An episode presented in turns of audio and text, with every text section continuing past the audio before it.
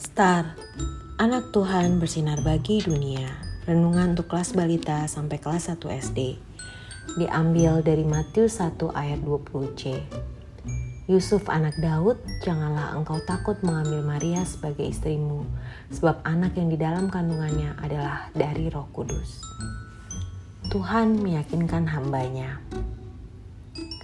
Aduh, hatiku kok gak tenang ya. Aku merasa gak nyaman Aku nggak bisa berpikir dan nggak tahu harus melakukan apa. Hmm, ah, aku punya ide. Aku mau doa dulu ah, lalu membaca Alkitab. Kata bintang pada dirinya sendiri. Percayalah kepada Tuhan dengan segenap hatimu dan jangan bersandar kepada pengertianmu sendiri. Akuilah dia dalam segala lakumu, maka ia akan meluruskan jalanmu.